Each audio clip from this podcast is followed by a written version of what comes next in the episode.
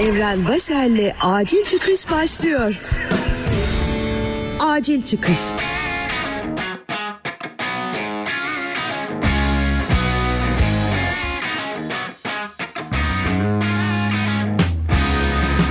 Selam sevgili dinleyen ben Evren Acil Çıkış'ın 49. bölümünü dinliyorsun. Bugün tutkusuna hayran olduğum iki insandan ve Gaziantep'te yaşamını yitiren 12 insandan bahsedeceğim. Acil çıkış. Tutku, tutkulu olmak, bir şey için tamamen vaktini ve enerjini vermek, onunla yatıp onunla kalkmak.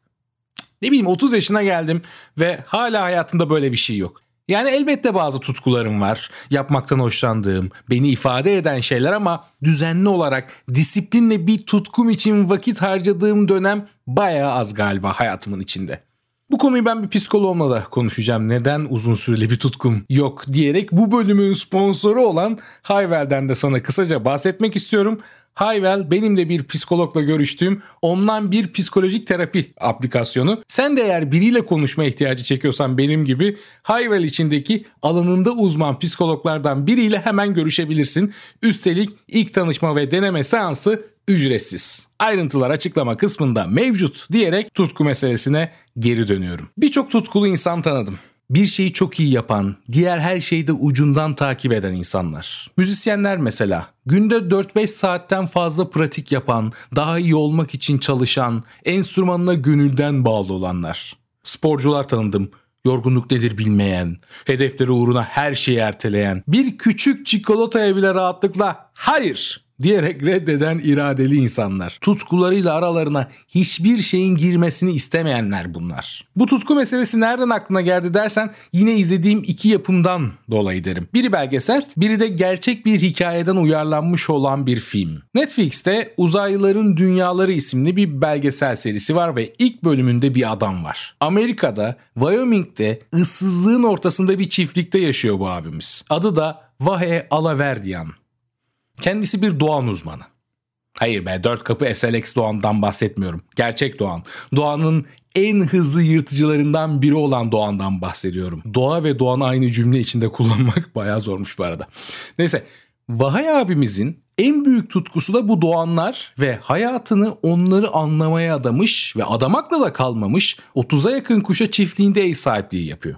Her kuşun farklı bir kişiliği olduğunu ve ona göre davrandığını söylerken de onların dilinde de olabildiğince konuşmaya çalışıyor. Ama yaptığı en önemli şey ise esaret altında dünyaya gözlerini açmış, sadece insanlar tarafından beslenmiş doğanları bulup çiftliğine getirmesi ve onlara doğada nasıl avlanacaklarını öğretmesi. Vahay abi alıyor bir doğanı boş bir araziye götürüyor ve ipe bağlanmış bir yiyecekle, bir av hayvanıyla doğanın manevra kabiliyetlerini yükseltmeye çalışıyor. Bir gün doğaya saldığında tek başına beslenebilmesi, doğaya ayak uydurabilmesi için bu şart çünkü. Yani hayvanın avlanması lazım. Bu nasıl oluyor? Doğanların çok özel bir avlanma taktiği varmış ve yüksekten dik bir şekilde avlarına doğru uçarak yer çekiminin de gücünü kullanarak avlarını sersemletip avlıyorlarmış. Ama esaret altında büyüyen doğanlar bu pratikten yoksun kalıyorlar ve dik açı yerine daha yatay uçtukları için avları ellerinden kaçıyormuş ve bu yüzden de aç kalıyorlarmış. Evet, Vahe abimizin hayattaki en büyük tutkusu da bu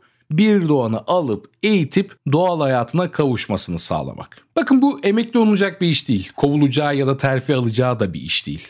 Bir tutku. Bir gün bırakmak zorunda kaldığında ya da artık hayatta olmadığında bu görevi kim üstlenir, nerede nasıl yapar o da bilinmeyecek, bilinmiyor. Yani abimizin hani doğanlardan bahsederken bildiğiniz gözleri gülüyor ve bu tutku insana acayip bir ilham veriyor. Yani ben o sırada izlediğimde acayip etkilenmiştim bu durumla. Bir diğer tutkulu abimiz ise İtalyan mühendis Giorgio Rosa. Kendisinin hikayesinde ufak bir kulak dolgunluğum vardı ama hiç merak edip de bakmamıştım açıkçası. Yine Netflix sağ olsun yapımcılığını üstlendiği Rose Island filmiyle kendisiyle tanışmış oldum. Filmi de hikayesini de ağzım açık ve keyifle seyrettiğimi söyleyebilirim. Sana da gönülden öneriyorum. Giorgio Rosa İtalya'da yaşayan değişik bir mühendis abimiz. Toplumla, kurallarla derdi var ve bunları aşmak istiyor.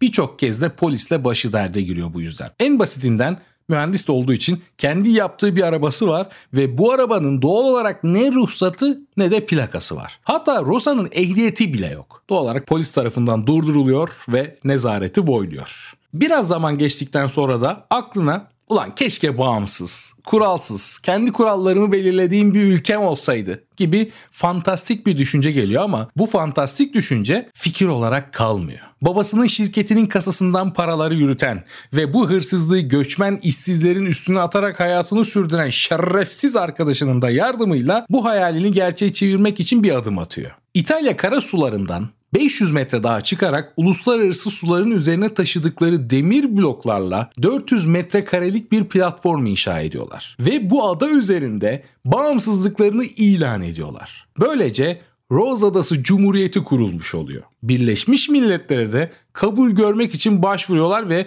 bu dosyayı Birleşmiş Milletler görüşmeye başlıyor. Bu arada da bayağı popüler olup İtalya'dan gelen onlarca turisti günlük olarak ağırlayarak da paraya para demiyorlar. Ta ki İtalya devleti siz ne yapıyorsunuz lan burada değişikler dibimizde ülke kurmakta neymiş lan diyerek adayı denizcileriyle basıyor ada üstündekileri toplayıp platformu da havaya uçuruyor. George abimizin 1968 yılında atladığı bu macerada böylece sonlanıyor. Bu nasıl bir tutku değil mi ya? Ya da delilik de diyen olabilir tabii ama sonuçta yapılmış, ortaya dökülmüş, İtalya'yı uzun süre meşgul etmiş bir gerçek. Koskoca Birleşmiş Milletler, Avrupa Birliği bunun için toplanmış. İtalya devleti en önemli konulardan biri haline getirmiş bu mühendis Giorgio'nun yaptığını. Ya bu tek başına delilikle açıklanabilecek bir şey değil. Aynı zamanda tutkunun bir gerçeği gibi geldi bana. Şimdi şekil olsun diye söylemeyeceğim ama bu hayatta tutkusuna en çok saygı duyduğum, hayran olduğum bir kişi var ki o da Mustafa Kemal Atatürk. Ben hep derim öyle milliyetçi biri değilim.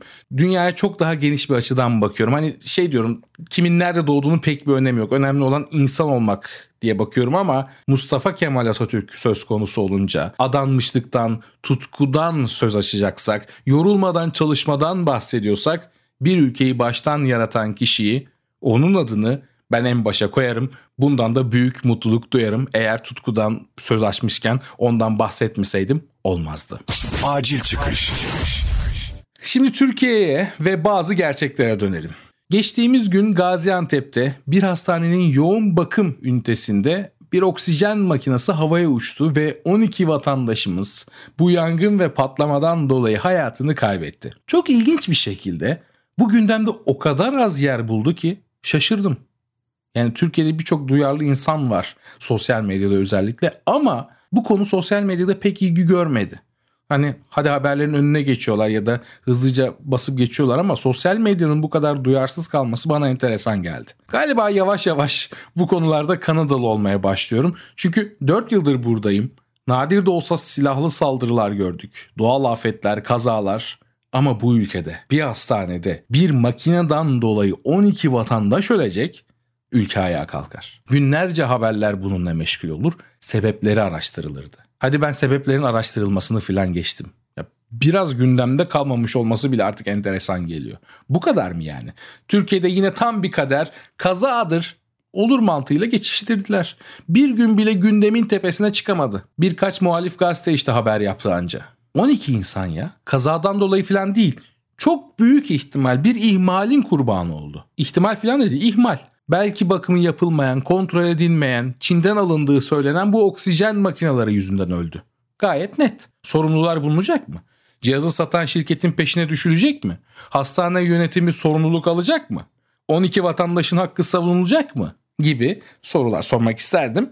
Ama biliyorsunuz ki ben de cevapları biliyorum. Sözcü gazetesinden İsmail Saymaz bu konuyu 22 Aralık 2020 itibariyle köşesine taşıdı ve ve o gece hakkında alabildiği tüm bilgileri paylaştı. Tarihte hızlıca kaybolmasın diyerek ben de bu bölümü yazısından birkaç alıntı yaparak daha doğrusu yazısının ilk kısmıyla bitirmek istiyorum. Devamını sözcüden okuyabilirsiniz. Hemşire Salih Kütük, Gaziantep'te Sanko Üniversitesi Sani Konukoğlu Uygulama ve Araştırma Hastanesi'nde salgından beri COVID-19 hastalarının tedavi gördüğü yoğun bakım ünitesinde çalışıyordu.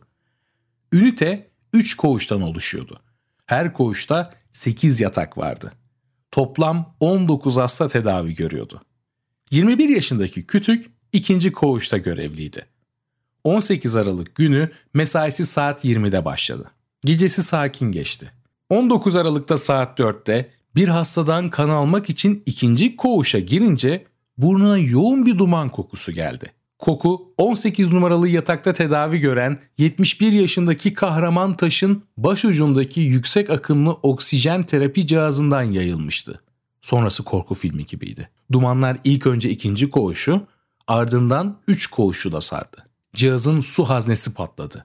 Elektrik kablosundan alevler çıktı. Cihaz ateş topuna döndü ve sonunda infilak etti. Yangın koğuşları sardı. Duvarlar tutuştu. Yataklarındaki yaşlı hastalar alevler içerisinde kurtarılmayı bekledi. Kimileri hemşireler tarafından çekilerek bu cehennemden çıkarıldı, kimi tekerlekli sandalyesiyle, kimi de kendi çabalarıyla. O gece ve sabahında dört çocuk babası olan kahraman Taş dahil olmak üzere 12 hasta can verdi.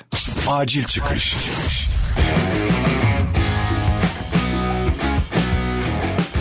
Acil Çıkış Podcast'te bir bölümün daha sonuna geldik. Beni şu an hangi platform üzerinden dinliyorsun bilmiyorum ama Acil Çıkış'ı podcast dinlenebilen tüm platformlarda bulabilirsin. Ayrıca beni dinlediğin platform üzerinden takip eder. Bu bölümü de sosyal medyanda paylaşırsan ne de güzel olur, ne de güzel hissederim bilemezsin. Patreon üzerinden bana destek vermek istersen de ayrıntılı bilgiler açıklamalar kısmında var.